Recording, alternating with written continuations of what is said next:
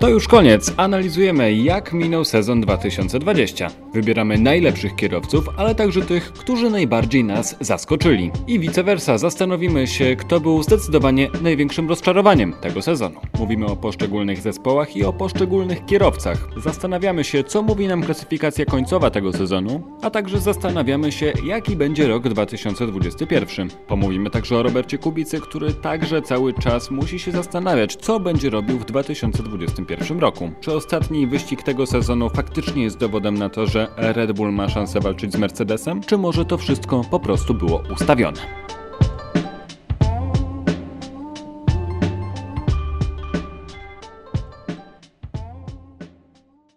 Dzień dobry wszystkim, witamy w kolejnym odcinku podcastu Codrive.pl. Ze mną Aldona Marciniak, Cezary Gutowski, ja jestem Jasie Kolejniczak. Zakończyliśmy sezon 2020, sezon, który stał pod dużym znakiem zapytania. Dużo wyścigów udało się na szczęście e, rozegrać. Gdy to wszystko się zaczynało, mieliśmy naprawdę bardzo czarne myśli na ten temat, ale koniec końców wszystko się udało E, wykonać i de facto sezon skończył się tak, jak się e, chyba wszyscy tego e, spodziewaliśmy. Ale zanim o tych zwycięzcach będziemy rozmawiali, w ogóle pomówmy o, o wszystkim, co się w tym sezonie mm, działo i pomówmy może o każdym, i zastanówmy się, jak ten sezon wyglądał z perspektywy różnych zespołów i różnych um, kierowców.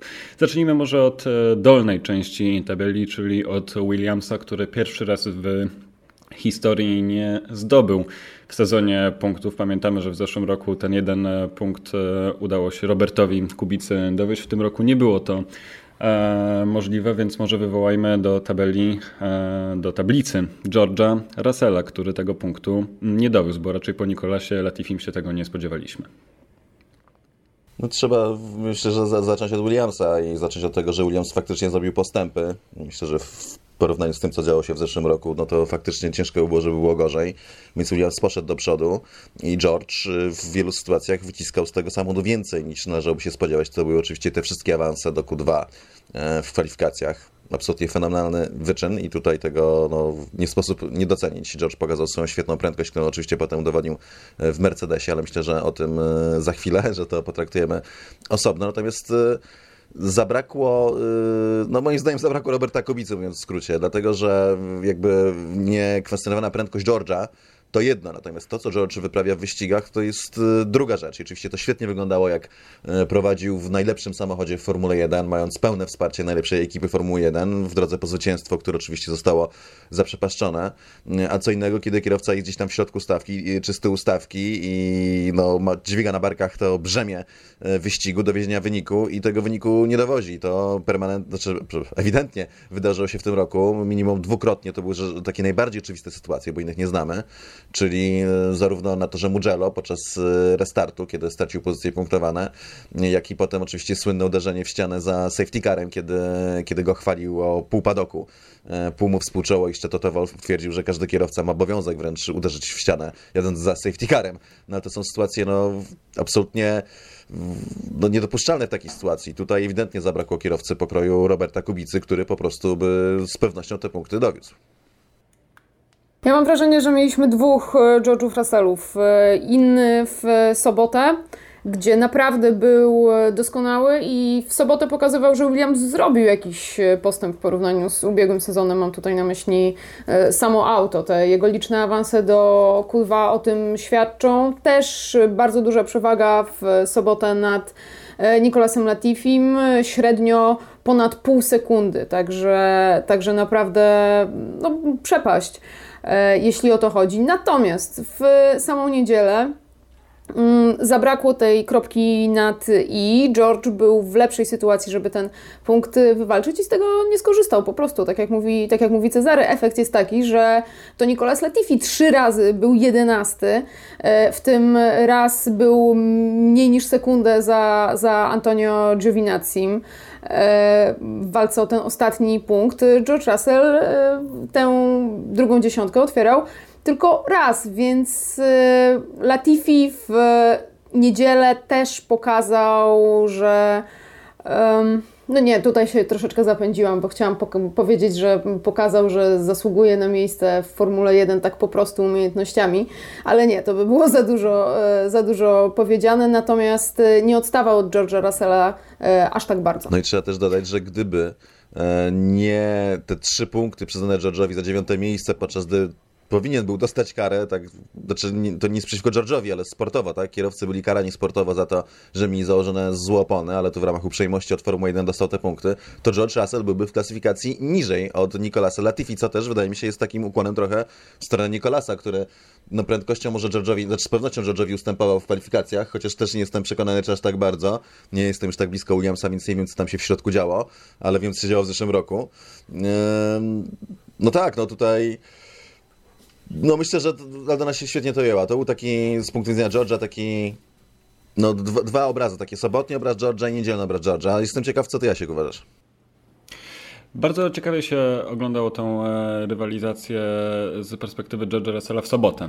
E, naprawdę myślę, że każdy przed telewizorem, e, kto choć trochę dobrze życzy George'owi, trzymał kciuki za to, żeby dostał się do, do Q2, bo po prostu dobrze się to oglądało, kiedy wyciskał siódme poty z, z bolidu Williamsa. Natomiast ja się zastanawiam, co można powiedzieć o Nikolasie Latifim, bo tutaj Aldona słusznie zauważyła, że trzy razy kończył na 11 miejscu, więc więc tak naprawdę wyprzedził George'a Russella, jeżeli chodzi o szansę na dowiezienie tego jednego mm, punktu. Mm, I zastanawiam się, czy Nicolas nie jest trochę przez nas może niedocenionym kierowcą, przez to, że jeździ w Williamsie i ten drugi bolid z pewnością nie jest tak dobrze przygotowany, jak wiemy z zeszłego roku, jak bolid e, George'a Russella i być może Nicolas nie jest aż tak chyba można tak powiedzieć, tragicznym kierowcą, jakby się nam wydawało przez większość sezonu i może e, należałoby tutaj Nikolasa w jakiś sposób, e, może nie tyle co wesprzeć, e, ale ukłonić się w jego stronę, że jednak aż tak złej roboty nie wykonuje. Znaczy, powiem szczerze, ja wcale nie wiadomo, że Latifi wypadł tragicznie, czy wypadł słabo, jak na pierwszy sezon w takiej ekipie wypadł naprawdę dobrze i zakończył sezon tak naprawdę przed kolegą z ekipy, który jest bardziej doświadczony i który jest gwiazdą tego zespołu, no bo szczerze, odejmiemy start George'a w Williamsie i Latifi jest z przodu, tak więc to jest, wydaje mi się, że daje jakieś zasługi Nikolasowi. Uważam, że no, w aucie, które było, miałoby lepszy potencjał, spisałby się znacznie lepiej i to jest trochę taka historia, jak powiedzmy, no nie wiem, Lance Strolla dajmy na to, który jakby z podobnego rozdania znalazł się w Formule 1, też e, debiutował w Williamsie, tylko wówczas Williams był znacznie, znacznie lepszy. Williams e, bez punktu zobaczymy, czy przyszłość jeszcze da im e, szansę powrócić na te właściwe tory. Pójdźmy dalej. Haas, który żegna się z Romanem Grożanem i Kevinem Magnusenem, jak już większość e, żartowała, bombowo albo raczej wybuchowo. Haas żegna się ze swoimi kierowcami. Jaki to był sezon dla tego zespołu?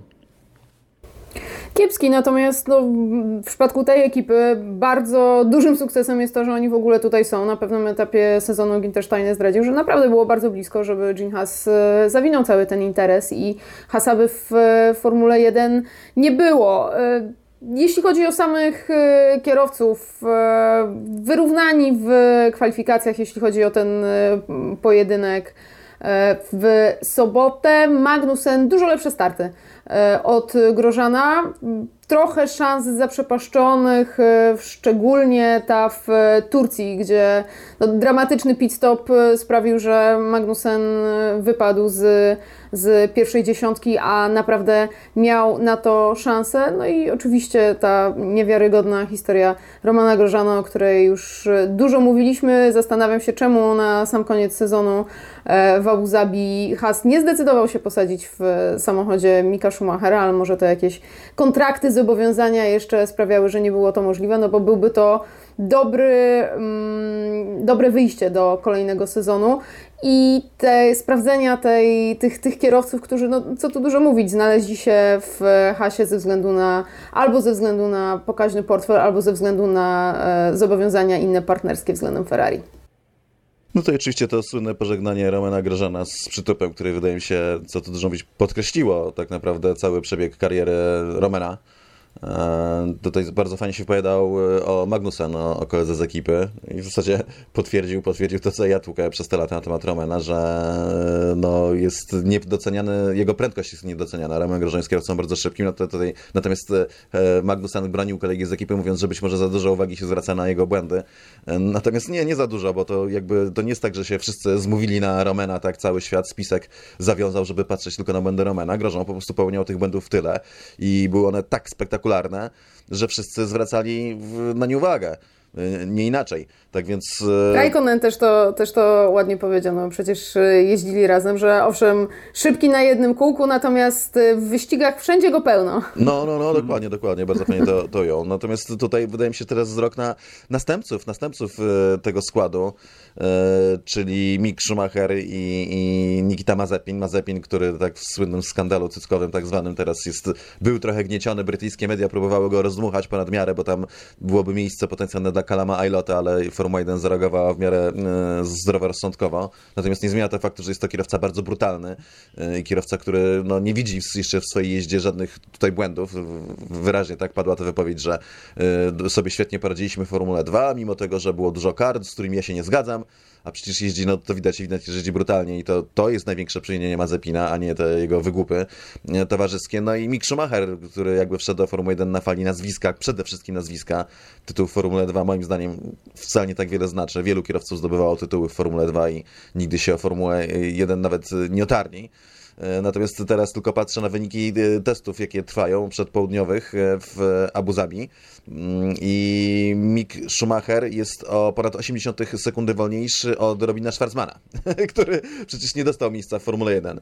No ale ewidentnie, tak, to są pierwsze przejazdy w tym samochodzie i wydaje mi się, że tutaj talent bluszczy najbardziej, tym bardziej, że akurat w tych testach no to nie ma za bardzo jakichś róż, nie, różnych programów testowania, bo są bardzo ograniczone pro, programy pracy nad rozwojem samochodu, więc ewidentnie tutaj chodzi o porównanie kierowców, albo o porównanie kierowców, czasami oczywiście o promocję tych kierowców względem innych, natomiast no ewidentnie widać, że, że tutaj yy, tak, kto ma nazwisko, a kto ma talent. Has na pewno będzie nam dostarczał wiele emocji w przyszłym sezonie ze sprawą duetu Schumacher-Mazepin. Będziemy obserwować, ja przynajmniej z zaciekawieniem, co będzie się działo, szczególnie w e, niedzielę w tym e, zespole. Przejdźmy teraz do Alfy Romeo, która 8 punktów zdobyła w tym sezonie. Baliśmy się, że ten sezon będzie chyba tak wyglądał. Baliśmy się, że nie będzie wystarczająco dużo prędkości dla Alfy i te obawy chyba się sprawdziły. No zdecydowanie się sprawdziły, no, niestety i tutaj no to jest taki zespół, który trochę poszedł sobie w pewnym sensie inercją, czyli e, uznał, że dobra, jesteśmy w takim ucie, w jakim jesteśmy. Z tego, co słyszałem, tak naprawdę to tegoroczne auto nie tak bardzo różniło się od zeszłorocznego. Alfa robiło nieduże postępy. Był taki moment w sezonie, kiedy faktycznie trochę się wzięli w garści i trochę im poszło lepiej. E, no i też były takie sytuacje w drugiej połowie sezonu, kiedy Alfa była szybsza od e, Ferrari co też świadczy o tym, że być może no, aerodynamika trochę inaczej działa w Alfa Romeo. Prawdopodobnie chodziło tutaj o mniejsze opory, bo to było głównie na tych torach, gdzie były długie, proste, e, gdzie było widać. No ale też przy szpichukach było widać, że Alfa Romeo sobie bardzo dobrze radzi. Tak więc, e, ale mi się wydaje, że to USA są taki trochę przespany, przejechany przez Alfę po najmniejszego oporu. Potem oczywiście decyzja o tym, żeby nie zmieniać składów e, no, z punktu widzenia nas, tak, kibiców Roberta czy Polaków w większości. E, myślę, że rozczarowująca. No mi się tutaj przypomina to rozmowa z kolegą pewnym, tak, dziennikarzem, który, który zna dość dobrze Frederika Wassera też na stopie prywatnej i, i, i mówił, że ten, że rozmawiali sobie prywatnie po tym treningu Roberta i, i mówił, że, y, no, że o, o Giovinacji nawet nie chce rozmawiać w ogóle, że Kimi to jak mu się chce, to, to jeździ bardzo dobrze, ale rzadko mu się chce i wydaje mi się, że to widać często, że Kimi mu się rzadko chce. Miał kilka błysków, szczególnie przed podpisaniem kontraktu, natomiast po podpisaniu kontraktu znowu ten sam Kimi taki y, trochę no, rozczarowany, trochę znudzony, nie, nie wiem szczerze, teraz się zastanawiam, dlaczego chce tłuste kilometry Formuły 1, widocznie mi się podoba po prostu sama jazda. E, natomiast powiedział też, że Robert wsiadł, proszę bardzo, Robert wsiadł y, do samochodu w treningu i boom, od razu w tempo, wszystko bardzo dobre czasy, regularność, więc to też pokazuje zagmatwanie takie polityczno-biznesowe Formuły 1, tak, że z jednej strony no, w samej Alfie Romeo szef tej ekipy dostrzega jakby niuanse związane z, ze składami, oczywiście poza mikrofonem, tak, to była prywatna rozmowa, z drugiej strony i tak nie ma nawet żadnej ochoty tego zmieniać, bo tak działa Formuła 1. No w każdym razie moim zdaniem Alfa Romeo i tak dobrze, że skończyła ten sezon na mm, ósmej pozycji, bo no bo mogło być gorzej.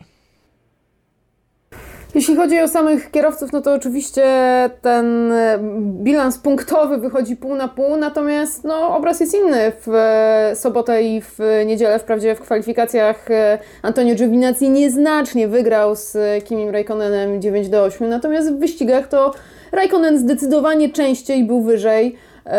9 do 4, jeśli chodzi o wyścigi, które które obaj e, skończyli w, w trybie wyścigowym, był szybszy, często e, wyprzedzał Giovinazziego, nawet jeżeli startował, e, startował za nim, tak jak chociażby w ostatnim wyścigu w Abu Zabi. No i generalnie taki ja wiem, sezon, w którym od początku było wiadomo tak naprawdę, że tej prędkości będzie brakować. Od początku było wiadomo, że to jest ósmy samochód w klasyfikacji i tak też to się dokładnie skończyło. Trzeba było czekać na pech innych, e, żeby, żeby mm, móc walczyć o punkty. Oczywiście jakimś błyskiem był awans do Q3 obu e, kierowców e, ostatnio, natomiast no, to był niestety wyjątek, a potwierdzający regułę. No i teraz trzeba jeszcze zauważyć ten schodek oczywiście, że mamy Alfa Romeo, która w Mistrzostwach Świata Konstruktorów ma punktów 8, i kolejny zespół, siódmy w klasyfikacji konstruktorów, zresztą ten, który też żeśmy typowali przed sezonem, że tam będzie Alfa Tauri punktów 107, czyli to są po prostu dwie różne kategorie. E, Alfa Romeo, Haas i Williams jeździli w osobnej, najniższej kategorii Formuły 1. Mm, osiągnięciem Williamsa było to, że w końcu do tej Formuły 1, nawet do najgorszej kategorii, ale jakoś pod względem tempa dołączył, bo punktowo nie. Przy Alfie Romeo też oczywiście chciałbym się zatrzymać jeszcze na moment przy Robercie Kubicy. Mm, Cezar, rozmawiałeś z Robertem i pytałeś się go, e, czy nie boi się, że jeżeli skoncentruje się teraz na obecnych zadaniach, e, czy w tym momencie nie znikają mu pewne opcje na przyszłość? I Robert odpowiada w ten sposób. Z pewnością pewne opcje przestają wchodzić w grę, są jednak podpisane umowy i są zakresy, w jakich mogę się poruszać. Mam różne możliwości, te, które bardziej mi się podobają, które dla mnie są bardziej apatyczne. Niełatwo można je połączyć z moimi obowiązkami. Łączenie różnych ról, jak w tym roku, gdy byłem kierowcą rezerwowym Alfy Romeo i startowałem w DTM, to nie jest proste zadanie. Z tej samej przyczyny decyzja w sprawie przyszłego sezonu wcale nie jest łatwa i dlatego za bardzo nie ma tu nad czym debatować. Pewnych rzeczy po prostu nie przeskoczymy. Dodatkowo jest ta sytuacja z pandemią i to, jak będzie wyglądał przyszły sezon, nie tylko tu w Formule 1, ale ogólnie w motorsporcie, tego nie wie nikt. To też nie ułatwia wyborom. Czyli, że jesteśmy tak naprawdę chyba w punkcie wyjścia i Robert cały czas chyba sam do końca nie podjął żadnych decyzji, tylko pytanie, czy ma jeszcze faktycznie tak dużo tych opcji. No tutaj Robert ewidentnie stara się zasugerować no, no, w jakiejś sytuacji, jeśli chodzi o wybór tych kategorii. Mówi, że on ma kategorie, które są dla niego bardziej apetyczne, jak to ujmuje, ale nie za, nie za bardzo może je połączyć ze swoimi obowiązkami. Te obowiązki, moim zdaniem, to są e, cały czas obowiązki kierowcy rezerwowego i testowego Alfa Romeo. Co prawda słyszałem e, mm, w biurze prasowym w Bahrajnie, wieści, że e, Alfa Romeo szuka kierowcy rezerwowego, ale moim zdaniem e, szuka po prostu drugiego rezerwowego po to, żeby no, na te wyścigi, na które Robert nie będzie chciał jeździć, bo nie chce jeździć na wszystkie, mm, żeby mieć jeszcze kogoś innego w zanadrzu, bo inaczej tego nie widzę. E, to stwierdzenie, że są podpisane umowy, są zakresy, w jakich mogę się poruszać, no to prawdopodobnie są to umowy z jednej strony ja strzelam z Alfa Romeo, tak czy inaczej, podpisane jest jeszcze w zeszłym roku, z drugiej strony oczywiście chodzi tutaj o współpracę ze sponsorem, tak, z, z Orlenem, który też nie w każdym środowisku się będzie chciał odnaleźć, tak więc y, ostatecznie sytuacja z jednej strony no taka no fajna, bo raczej będziemy widać Robert, widywać Roberta w przyszłym roku w boidzie Formuły 1, tylko raczej nie w wyścigach, o czym zresztą Robert też osobno mówił, mm, a z drugiej strony no raczej w związku z tą umową Robert nie będzie startował tam dokładnie, gdzie by chciał, a trzeba jeszcze pamiętać oczywiście, że DTM no, zmienił się bardzo, że największym problemem tutaj cały czas z przyszłością Roberta jest to, że DTM zmienił swoją formułę techniczną i po prostu przestało ona być atrakcyjna z punktu widzenia kierowcy. Gdyby DTM się nie zmienił, gdyby nie pandemia, Robert by sobie spokojnie jeździł kolejny sezon w mistrzostwach Niemiec samochodów turystycznych. Jest też kwestia tego, że w obecnej sytuacji tej covidowej no w pewien sposób opłaca się być e, kierowcą rezerwowym w tym sezonie w trzech, czterech, czterech wyścigach. E, potrzebowali zastępca, zastępstwa kierowcy podstawowi, no ale na to Robert też ma odpowiedź. Dokładnie tak. Robert e, odpowiada, e, że z pewnością w tym roku COVID zwiększył możliwości, że kierowca rezerwowy zasiądzie za kierownicą. Zwiększyło się po prostu ryzyko, że zawodnicy będą niedysponowani. Niektórych kierowców trzeba było zastąpić, ale ja mam nadzieję, że nasi zawodnicy zawsze będą w dyspozycji, bo ja nie życzę nikomu, żeby stracił zdrowie. To dużo chyba mówi o charakterze Roberta, chociaż nie spodziewamy się, żeby ktokolwiek odpowiedział inaczej. No, nieprawda. nieprawda. Różnie mogliby ludzie mm, odpowiedzieć na to pytanie. To nie jest taki przejaw PR-u, nie? To, jest, to są rzeczy, które Robert zawsze od zarania dzieł w podcaście w różnych sytuacjach. Pamiętam, jak kiedyś byłem przez krótki czas reporterem e, Polsatu i spytałem Roberta, no pytanie było powiedzmy niefortunne, ale też nie trafiło. To było jeszcze jak Robert startował oczywiście w Formule 1 e, za pierwszym razem. I spytałem go, czy jak zobaczył, chyba Felipe Massa nie mógł wystartować, bo ten, bo miał jakąś tam awarię przed startem, czy ucieszył się, że zobaczy przed sobą puste pole startowe. Robert powiedział, dlaczego miałbym się cieszyć? Przecież nie życzę nikomu pecha. Tak?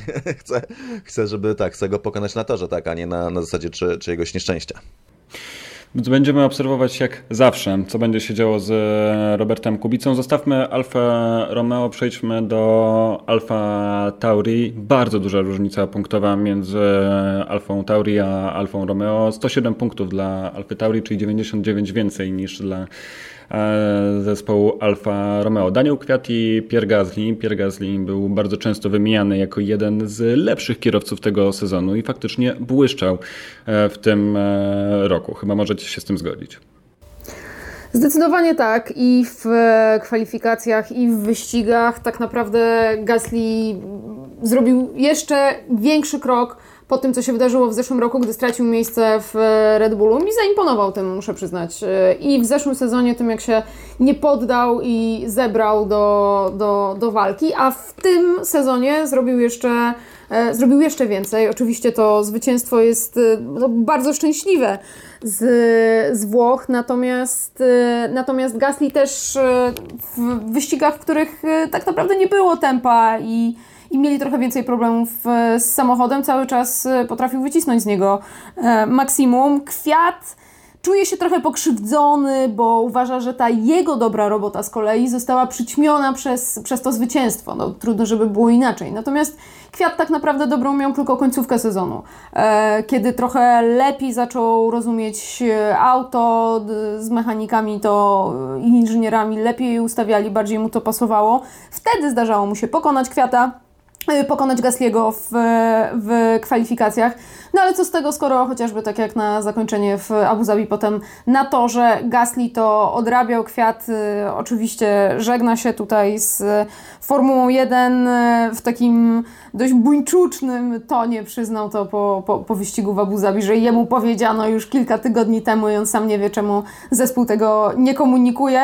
A wydaje mi się, że pali tutaj za sobą mosty Daniel Kwiat trochę. Czy ja wiem, myślę, że nauczony y, doświadczeniem, kiedy już po raz pierwszy palił ze sobą mosty odchodząc z obozu Red Bulla, a i tak został ściągnięty znowu, co tylko potwierdza, jaki wspaniały program kierowców młodych ma Red Bull właśnie, że musi ściągnąć kierowcę, którego wywalili na zbitą twarz. Zresztą mm, Kwiat nie jest jedynym tego przykładem. Y, innym przykładem, ale to wyżej, to jest y, Albon. Kwiat miał mocną końcówkę sezonu i pokazał to, co można było o nim powiedzieć od dawna. Jest naprawdę kierowcą bardzo szybkim i zdolnym ale też w tym sezonie pokazał dokładnie to samo, co i wcześniej, że nie jest kierowcą powtarzalnym, że nie jest kierowcą, którym można w pełni zaufać. Gasly go pokonał czystą taką regularnością, tempem. No w zasadzie w każdym zakresie Gasly zdobył ponad dwa razy więcej punktów, co też dużo mówi. Mm, jeszcze osobny ukłon w kierunku Alfa Tauri, która mogła być, być może, mogłaby być może być troszeczkę wyżej, nawet gdyby, gdyby Kwiat troszeczkę lepiej punktował. No i no, mi się wydaje, że ekipa zrobiła bardzo dobry e, sezon i liczę na to, że w przyszłym roku będzie jeszcze lepiej, szczególnie kiedy jeszcze bardziej zawęzi się wymiana części pomiędzy Red Bullem a Alfą Tauri. Ja też bardzo mocno liczę na Alfa Tauri, szczególnie, że mam nadzieję, że jednak Yuki Tsunoda ma zagwarantowany drugi fotel w Alfie Tauri. Dwóch Japończyków zresztą jest na testach młodych kierowców razem z Marią Sato, który jeździł w polskim zespole kartingowym. To od taka e, ciekawostka. Testują panowie i zobaczymy, czy może Alfa Tauri zamieni się w bardziej japoński zespół kiedyś w przyszłości. Następna pozycja w tabeli e, dosyć myślę, że niespodziewana dla niektórych, którzy by nie śledzili tak mocno tego sezonu, jest to Ferrari. 131 punktów, niewielka przewaga nad Alfą Tauri. Jest to absolutna porażka Scuderii. Słuchajcie, no to jest, to jest dramat na, na, na wielu płaszczyznach tak naprawdę, bo oczywiście e, Ferrari w tym roku bez e, zwycięstwa w wyścigu, bez nawet prowadzenia e, podczas choćby jednego okrążenia w jakimkolwiek wyścigu. To jest coś, co po raz, zdarzyło im się po raz pierwszy od 92 roku no, żadnego, e, żadnego startu z pierwszego rzędu. Najwyższa pozycja to, e, to czwarta e, Charlesa Leclerca, więc naprawdę katastrofa na każdym, na każdym polu, ale też coś, czego właściwie można się było spodziewać przed startem sezonu. Cezary, nie wiem, czy ty pamiętasz te konferencje z Binotto i Vettelem w Barcelonie na testach, gdy byliśmy. Oni wyglądali już wtedy jak, y, jak przegrani. To, to, to było po prostu. To były spotkania z ludźmi totalnie pokonanymi i ja dziwiłam się wtedy bardzo temu, no bo oczywiście po, po poprzednim y, roku i poprzednich latach w ogóle, gdy ta rywalizacja była w miarę wyrównana, no to wydawało mi się, że idziemy za ciosem, tym bardziej, a tymczasem jest Barcelona, jest luty, a ty patrzysz już na ludzi, którzy wyglądają po prostu jak zbite psy. E, myślałam, że to jest jakaś zasłona dymna, że że oni coś kombinują. Nie chciało mi się wierzyć, że tak faktycznie dramatycznie może być w Ferrari, ale oni już wiedzieli. Oni już świetnie wiedzieli, co ich czeka. No większość podoku przypuszczała, że Ferrari coś tam ukrywa, że coś tam odkręci, to się wydawało mało prawdopodobne. To to Wolf oczywiście, jak to on pompował rywali żeby od, jakby odsunąć podejrzenia od Mercedesa, że zdominuje sezon, co na tym etapie już było, no były bardzo wyraźnie sygnały. Natomiast nikt się nie spodziewał, że Ferrari może być też tak fatalnie. Natomiast no, rozmawiając z osobami, które naprawdę głęboko siedzą w temacie e, i w padoku i świetnie znają Formułę 1, dos, dosłuchałem się takiej tezy, że to, co zrobiło Ferrari z silnikami e, rok wcześniej, a być może jeszcze wcześniej, e, co, czego do końca nie wyjaśniono, prawda? To był jeden z, tych skandali sezonu, że FIA zawarła tajną, tajne porozumienie z Ferrari, e, nie podając tak naprawdę, no, czy Ferrari łamało regulamin, czy nie. Natomiast no, słyszałem opinię, że Ferrari mogło mieć nawet 100 koni więcej od rywali chwilami w trybie kwalifikacyjnym na swoim rozwiązaniu, które potem musieli usunąć z samochodu i po usunięciu tego rozwiązania z silnika Ferrari po prostu, no, co tu dużo mówić, grzmotnęło porządnie mm, od dno. Tak więc no, sezon absolutnie do skreślania to są, no, mówili złośliwi, tak mściło się na nich to ich podejście, ta ich interpretacja e, w kwestii silnikowej, która no, przez wielu jest nazywana po prostu czystym oszustwem, zemściła się na nich okrutnie, tak, że, że nagle po prostu polecieli na łeb na szyję. Natomiast jeszcze w obrębie Ferrari tutaj warto zwrócić uwagę, że no, ta gwiazda Charlesa Leclerca, która zabłysła jeszcze bardziej, fakt jest taki, że mm, ten wypadek z Bahrainu drugiego, z Sakir, kiedy, kiedy władował się w Sergio Pereza, trochę przyćmiewa ten blask, podobnie też zresztą, no, że Lance Strolla też wysadził kilka wyścigów wcześniej z toru, natomiast y, tak naprawdę w tym sezonie Charles Leclerc pokazał właśnie geniusz, nie? Pokazał swój niewiarygodny talent, ogromny. Na niektórych okrężeniach kwalifikacyjnych to było wręcz nie, nie, niesamowity widok, także właśnie na tym Sakir y, no, wydawało się, że jedzie na konsoli, a nie jedzie prawdziwym bolidem. To jak bardzo zahaczał o te marginesy, jakie przekraczał i jak mu chodziło to na sucho, takie jak nie tracił tym prędkości, więc pokazał fenomenalną jazdę wbrew pozorom. Te błędy wynikały z tego po prostu, że szukał jeszcze więcej prędkości w samochodzie, w którym prędkości nie było raz, a dwa w małym doświadczeniu. Uważam, że Charles Leclerc jest jednym z objawień tego sezonu tak naprawdę, nawet że jeszcze z lepszej strony się pokazał niż w zeszłym roku. Natomiast Sebastian Vettel, no, który super fajnie się żegnał z padokiem i była ta piosenka, którą zaśpiewał dla Ferrari, podziękowania, jak wymieniał wszystkich z imienia i piwa rozdawał w padoku i Leclercowi super napisał dedykację, że jest najbardziej utalentowanym kierowcą, jakiego spotkał w Formule 1 przez ostatnich 15 lat, żeby tego nie zmarnował. No to jest cały Seb, super fajny, e, facet. Natomiast co do jazdy, no Seb zdobył trzy razy mniej prawie punktów niż Leclerc, tak? Seb 33, Leclerc 98. E, I ja wiem, że część z tych punktów wynika z tego, że po prostu zespół się skoncentrował na swoim nowym liderze, na Leclercu, bo to jest naturalne, bo Leclerc dawał większą szansę ze z tego samochodu wyciśnie po prostu wyższe pozycje startowe i więcej punktów. Natomiast druga część jakby straty Vettela do Leclerca wynika z tego, że po prostu Sebastian Vettel nie jest kierowcą na poziomie Charlesa. Nie wiem, co wy na to. Myślę, że bardzo e, dobitnie było widać to, jak Sebastian jest przyćmiony przez e, Charlesa i mam wrażenie, że czasami to nawet nie była kwestia tego, że on przegrywał e, umiejętnościami, choć tym też na pewno, e, ale był po prostu zgnieciony e, psychicznie przez, e, przez to, jak Charles błyszczał przez cały sezon i to, z jaką młodzieńczą determinacją on walczył o każdy z tych punktów, co też jest słowem uznania dla Charlesa, że pomimo tak fatalnej sytuacji, no bo słuchajcie, idziecie do jednego jednego z legendarnych zespołów Formuły 1, a kończycie sezon na szóstym miejscu w tabeli. No to jest coś, czego myślę, że żaden z młodych kierowców e, nie chciałby doświadczyć idąc do, do Ferrari, więc wielkie słowa uznania dla Charlesa Leclerca, którego jestem e, od dwóch lat po prostu fanboyem. E, a Sebastiana Vettela po prostu mi szkoda, że nie udało mu się sprostać temu wyzwaniu i myślę, że to wyzwanie po prostu go przerosło. I gdyby może nie miał aż tak trudnego rywala jak Charles Leclerc w zespole, to aż tak e, bardzo by sam się nie pogrążył. Ale Ferrari też przygotowuje się na duże, znaczy no, może nie tyle co duże, ale Sebastian Vettel e, odchodzi to jest pierwsza zmiana. Zmienia się także kierownictwo Ferrari. Jestem ciekawy, jak Carlos Sainz poradzi sobie na miejscu Sebastiana Vettela i czy nie znajdzie się przypadkiem w podobnej sytuacji, w której znalazł się Niemiec w tym sezonie. Ja myślę, że Sainz poradzi sobie lepiej od Vettela. Myślę, że wydaje, że będzie dla wielu niespodzianką tego sezonu. Oczywiście czeka go to ciężkie przetarcie ciężkie przejście z ekipy McLarena, który się świetnie odnajdował do Ferrari, który też zostanie przyjęty z otwartymi ramionami. Przecież to pożegnanie Sebastiana Vettela to nie wynikało z tego, że był miażdżony przez Ferrari. To, to było naprawdę serdeczne pożegnanie z ludźmi, z którymi się bardzo zżył i z którymi się bardzo e, lubił. Natomiast myślę, że no, w Sańcu Ferrari znajdzie tego kierowcę, którego potrzebowało, czyli taki nieformalny numer dwa, tro, trochę takiego Botasa, e, tak to nazwijmy, tylko że być może nawet e, i trochę lepszego niż jest Botas w Mercedesie. Zobaczymy, co przyniesie przyszłość. Mam nadzieję, że Carlos e, będzie się dobrze spisywał, bo chciałbym zobaczyć Ferrari e, znowu wyżej niż na szóstym miejscu. Przejdźmy do walki o trzecie miejsce, czyli do tego zespołu, który przegrał najbardziej tę walkę, czyli do Renault, Daniel Ricciardo oraz Esteban Ocon. O Danielu dużo ostatnio rozmawialiśmy, wymienialiśmy go jako jednego z najlepszych kierowców w tej chwili w stawce. Mm, więc jaki to był sezon dla tych kierowców, a przede wszystkim dla tego zespołu? Wiecie, dla Renault bardzo dużym sukcesem jest to, że oni w ogóle o to, o to trzecie miejsce walczyli, a naprawdę przez e, długi czas byli w tej walce fair and square, e, że tak powiem. Zdobyli pierwsze miejsca na podium od, no właśnie tutaj są sporo od którego, od którego roku, natomiast no, tak naprawdę od, od dekady. E, więc e, to jest, to jest duży sukces i myślę, że Daniel Ricardo, który też mówił o tym, że Toreno to jest inny zespół niż ten, do którego przychodził, że jest pewniejszy siebie, że mm, lepiej się tutaj tu pracuje, to też było widać e, na torze. Trochę mnie wprawdzie, powiem Wam szczerze, dziwi ta zmiana w Renault, bo nie spodziewałam się, że ona może się dokonać pod obecnym kierownictwem. Ja nie jestem wielką fanką stylu zarządzania Sila Bitebula, i myślałam, że będzie, będą tutaj potrzebne większe zmiany, żeby coś się zmieniło na torze. Tymczasem e, poszło im naprawdę bardzo dobrze.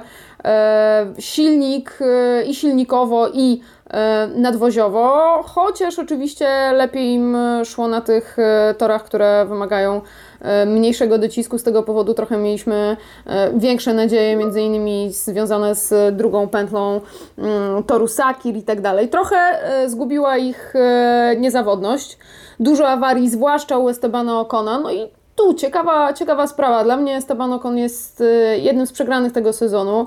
14 razy z rzędu w trakcie sezonu przegrał kwalifikacje z y, Danielem y, Ricardo.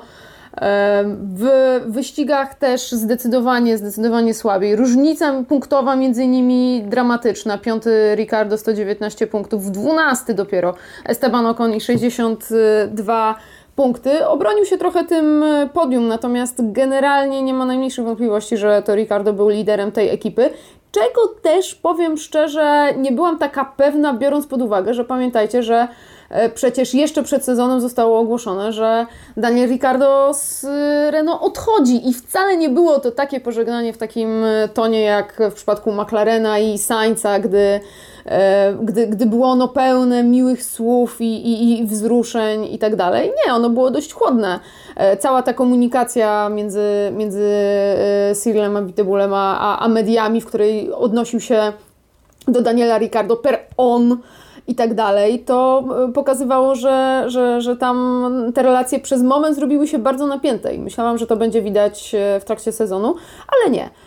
Jednak lepszy samochód i szansa na walkę o podium okazało się, okazało się dobrym lekiem na wszelkie niesnaski związane z tym, że e, Daniel Ricardo postanowił Renault opuścić. No i tutaj Cyril oczywiście zasłużył na tatuaż, e, tak, za to, że stanął na Daniel Ricardo zgodnie z zakładem. Wszyscy czekają, aż ten tatuaż e, będziemy mogli zobaczyć.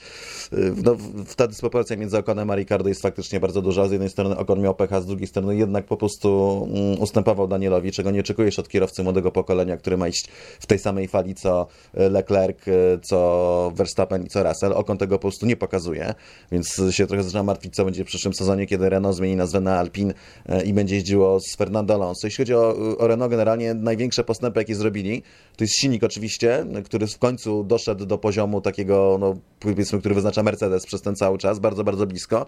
No i też z ustawieniami samochodu w połowie sezonu, może nie w połowie, pierwszej części, gdzieś na etapie Silverstone, z tego co pamiętam, odkryli jakiś kierunek, o tym mówił Daniel Ricardo, który pozwolił wyciągnąć więcej z tego samochodu, który sprawił, że tył był bardziej stabilny, że Daniel mógł bardziej zaufać samochodowi na wyjściach zakrętów, co oczywiście się zwraca potem na dłuższych prostych, co z, jakby też no, z osiągami silnika połączyło się w znacznie, no, w znaczne postępy. Ja trzymam kciuki za Renault, czy za Alpiny, jak to się będzie potem nazywało yy, i za to, że w przyszłych sezonach będą pieli się do góry. Jeszcze jedna sprawa jest taka, żeby i tak blisko i Racing Point, które przecież miało szybszy bolid i, i przekręcony, co tu dużo mówić, i McLarena, że gdyby tam nie, nie tych kilka awarii, nie parę straconych punktów, gdyby Okon troszeczkę lepiej zapunktował w tym sezonie, to Renault mogłoby zajmować trzecie miejsce w mistrzostwach konstruktorów, a nie McLaren. Jestem ciekawy, jak pod już barwami Alpin będzie w przyszłym roku sprawował się Fernando Alonso i dokąd zaprowadzi ten, ten zespół. Już nieraz o tym rozmawialiśmy i trzymam kciuki za to, żeby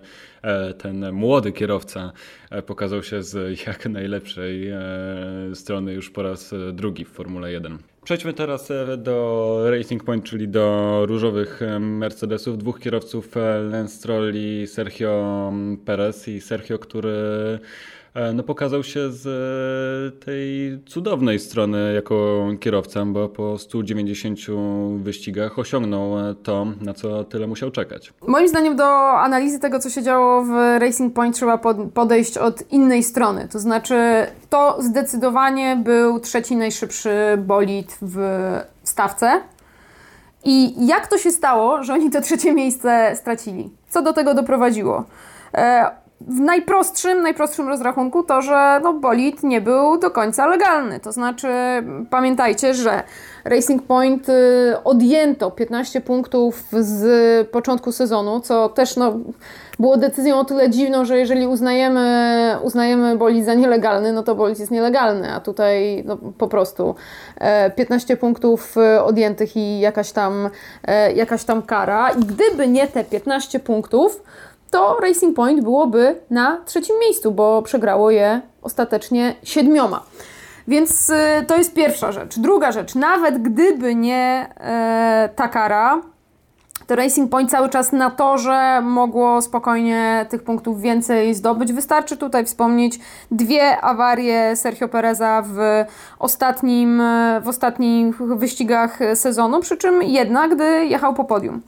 I to by było, to by załatwiło, to by było załatwiło sprawę. Oczywiście, co by było w Abu Zabi, to yy, nie wiemy, bo startował tam z końca stawki o ironię po wymianie silnika, żeby takich problemów yy, uniknąć. trzecia rzecz, E, oczywiście Racing Point został najbardziej dotknięty COVID-em, a więc e, Nico Hulkenberg e, zastępował kierowców i chociaż generalnie no, zdajemy sobie sprawę, że, że zrobił dobrą robotę, no to tak, do jednego wyścigu nie wystartował. Tutaj znów wracamy do kwestii niezawodności. No i generalnie, no, mimo wszystko, zastępując Sergio Pereza, no, nie miał aż takich szans jak Perez, który ma rzeczywiście sezon, sezon życia. Nie wiem, Cezary, czy coś byś jeszcze do tego, do tego dołożył, natomiast dla mnie to jest taka największa narracja wokół Racing Point. Jak to się stało, że oni to stracili?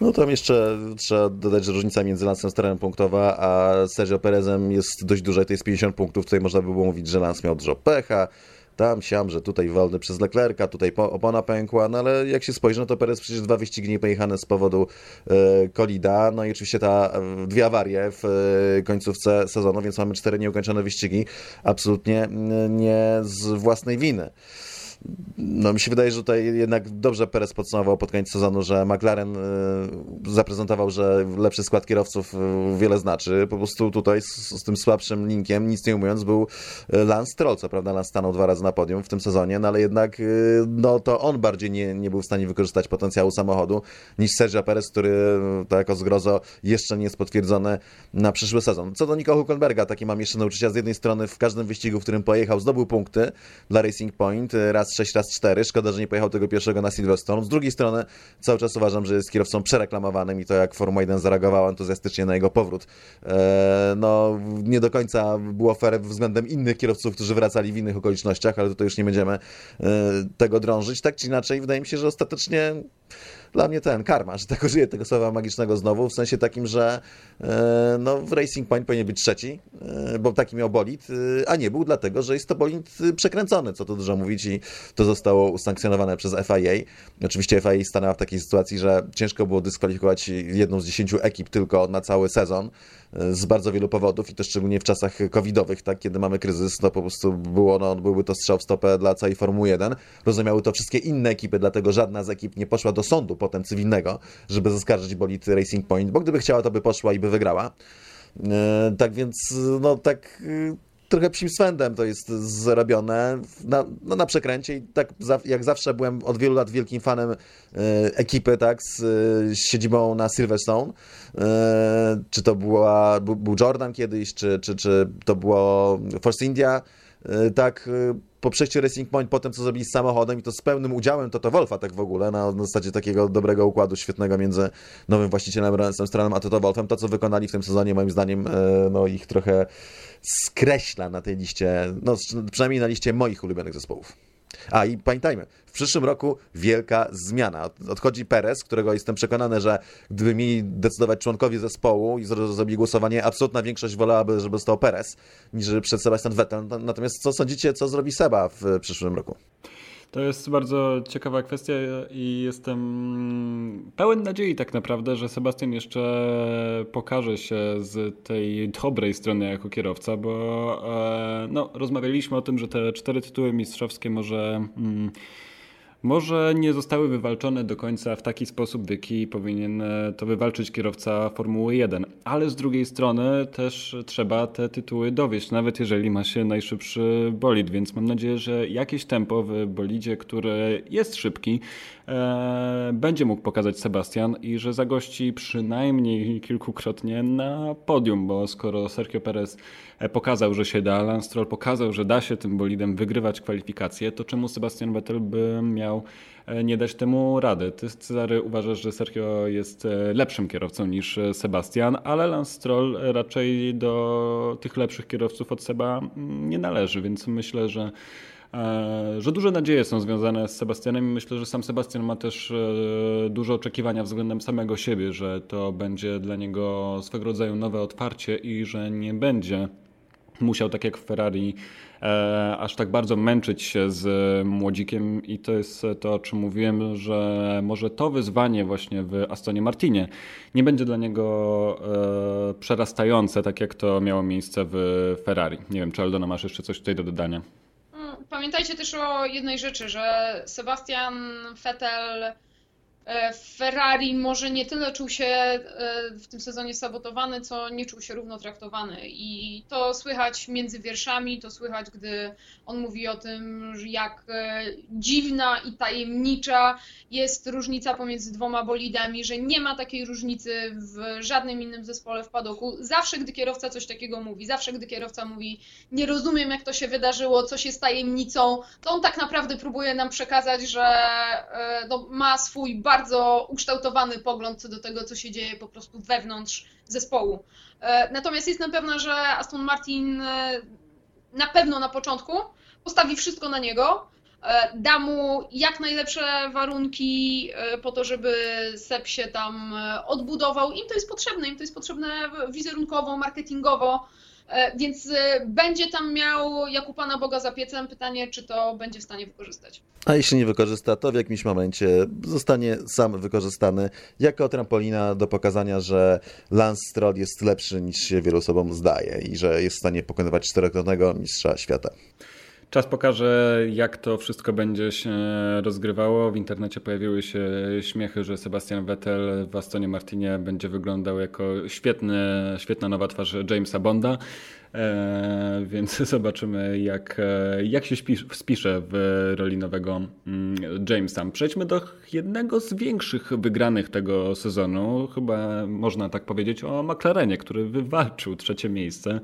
Zespół składający się z dwóch młodych kierowców, Carlos Sainz i Lando Norris i młodzi pokazali, że są w stanie przy sprzyjających okolicznościach dowieść podium w klasyfikacji generalnej. No najciekawsze jest to, że McLaren się wyprzedaje przecież przy okazji, tak ostatnio sprzedali e, ile? 15% udziałów za 186 e, milionów funtów amerykańskiej firmie inwestycyjnej, więc tutaj sportowo spektakularne sukcesy, bo to jest sukces awans na trzecie miejsce i to jest taki zespołowy sukces bardzo.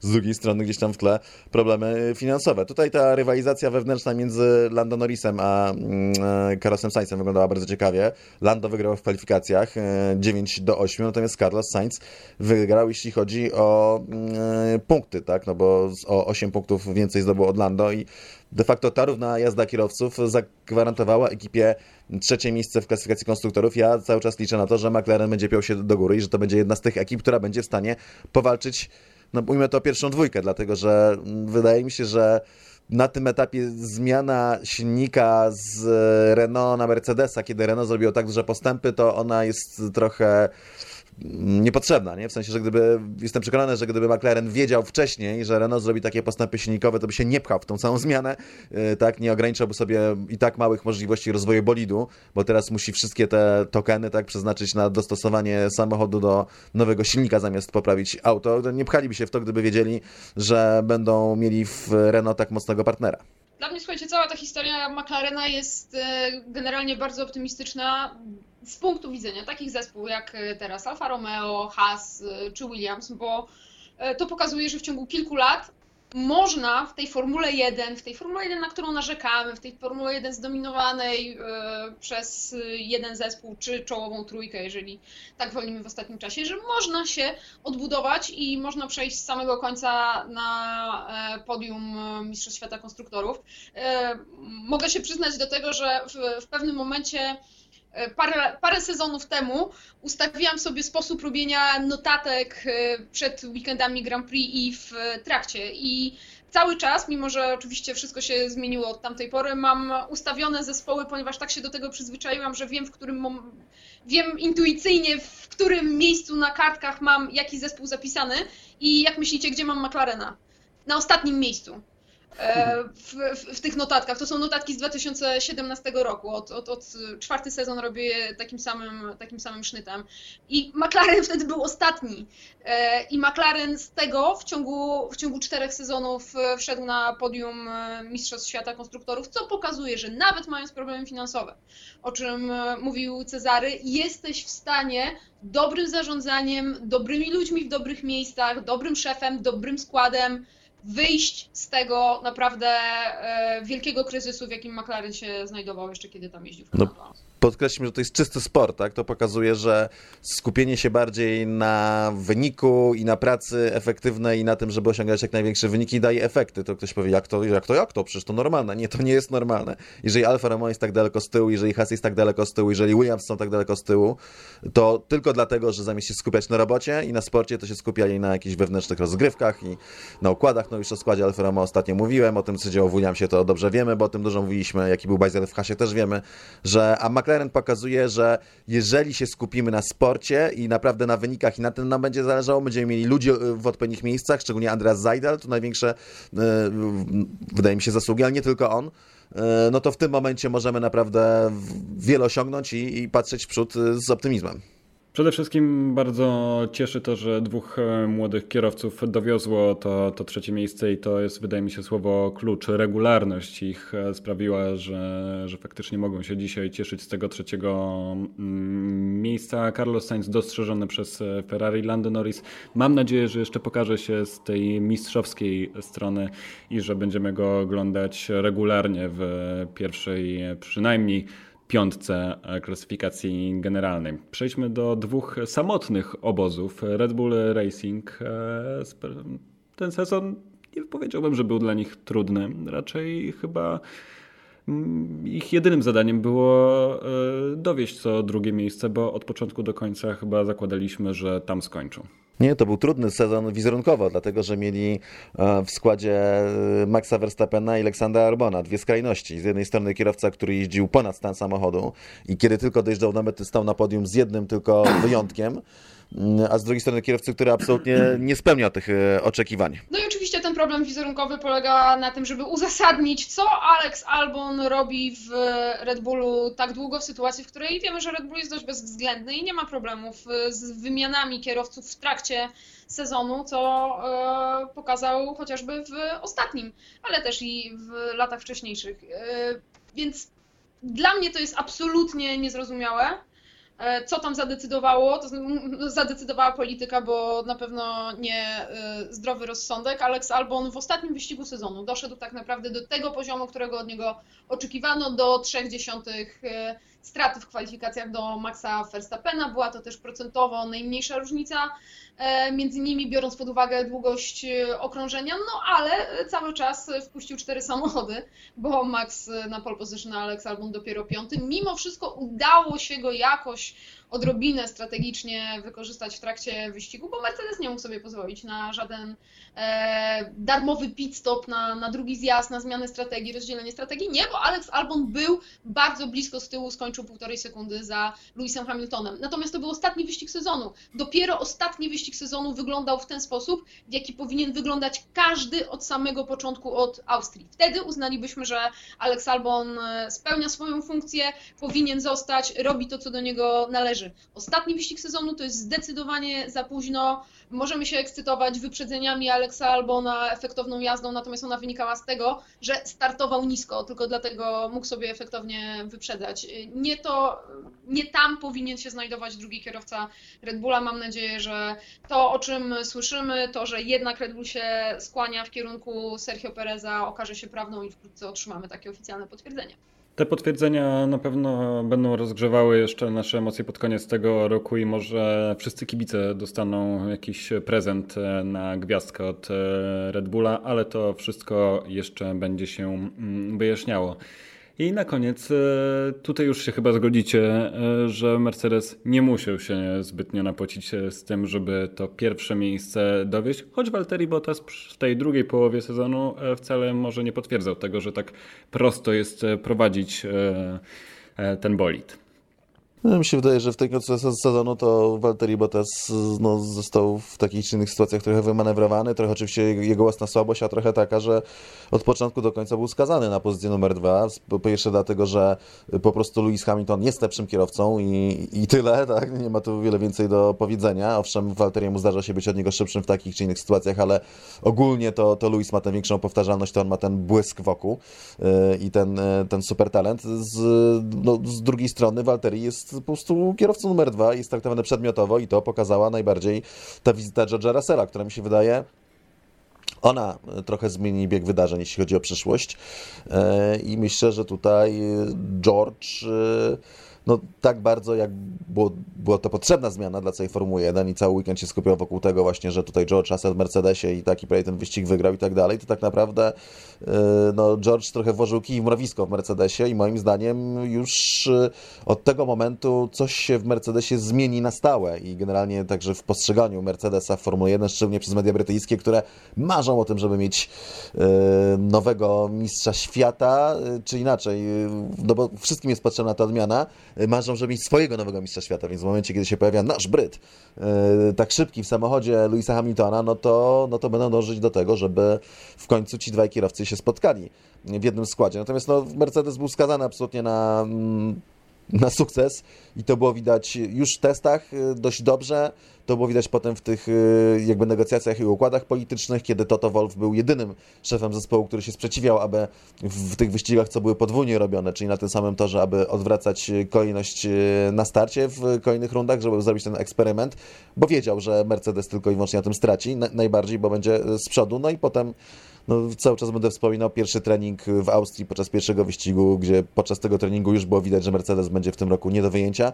E, a skoro Mercedes będzie nie do wyjęcia, no to w ten czas e, mistrzem świata zostanie zdecydowanie Lewis Hamilton, bo po pierwsze jest kierowcą lepszym, po drugie jest kierowcą e, preferowanym. Natomiast nie wiem, co, co sądzicie o tej końcówce sezonu, kiedy nagle tutaj Red Bull zdobywa pole position i potem ale Max, Max Verstappen wygrywa własnymi siłami Grand Prix Abu Zabi. Czy to jest prognostyk lepszej przyszłości, czy tutaj coś było mm, inaczej? Słuchajcie, oczywiście wszyscy chcieliby, żebyśmy się dali na to nabrać, że to jest zapowiedź e, bardziej zaciętego następnego sezonu. O tym mówi Ross Brown. Oczywiście jemu zależy na tym, żebyśmy wszyscy tak uważali, żeby było na co czekać. On mówi, że Red Bull pokonał Mercedesa on merit, czyli, czyli jak to ładnie przetłumaczyć, pomóżcie mi. No po prostu własnymi siłami, o. Własnymi siłami, dziękuję. Natomiast e, Mercedes jechał ze skręconym silnikiem z powodu obaw o MGUK. E, to przede wszystkim e, i no, i Lewis Hamilton, który nie był w 100% e, w formie, na pewno nie był, widać to było po nim, że jeszcze tutaj pokasuje, tutaj cały czas chrypka. E, myślę, że, że w, normalnych, w normalnej sytuacji Lewis Hamilton e, cały czas mógłby jako kierowca zrobić tę różnicę i, i wygrać i pole position, a wtedy i prawdopodobnie wyścig, biorąc pod uwagę, jak trudno się wyprzedza na tym, na tym torze. Więc ja się na to nie do końca daję nabrać. Mam oczywiście nadzieję, wszyscy mamy na to, że ten kolejny rok nie będzie kalką tego, no ale też musimy sobie zdawać sprawę, że ta przewaga Mercedesa, którą widzieliśmy widzieliśmy w tym sezonie, w bardzo, bardzo dużym stopniu przełoży się na kolejne. Mi się wydaje, że to był ukłon Mercedesa w stronę Formuły 1, być może tak trochę za prośbą tych czy owych i że y, to z tym MGUK to była ściema, że, że mają awarię. Oni po prostu specjalnie y, wyprodukowali pod koniec sezonu wyścig taki, który nie zniechęci fanów przed kolejnym sezonem, żeby tak, żeby jednak zachęcić, żeby włączyli te telewizory i się zainteresowali, bo może jednak być z tego jakaś walka. Tak działa Formuła 1, nie zdziwię się. Znaczy to się nie wyjdzie nigdy na jaw, ale mi się wydaje, że to było ewidentne takie wręcz podłożenie się przez Mercedesa, bo to było bardzo nienaturalne i to wynikało tutaj i z jednej strony mówi, że silnika przykręcone, z drugiej strony opon się nie dało wykorzystać. Yy, ta, chodzi o to, że różnica w przebiegu tego wyścigu w porównaniu ze wszystkimi pozostałymi była tak duża i tak skrajna, że to nie, mo nie mogło wynikać z normalnego tempa i z normalnego układu. Po prostu to było nie, niemożliwe, żeby po 16 wyścigach w tym jednym nagle się okazało, że przez ten jeden raz, przez ten jeden weekend Red Bull jest w stanie pokonać Mercedesa własnymi siłami czyli e, jak to ujęłaś Aldona z angielskiego on merit.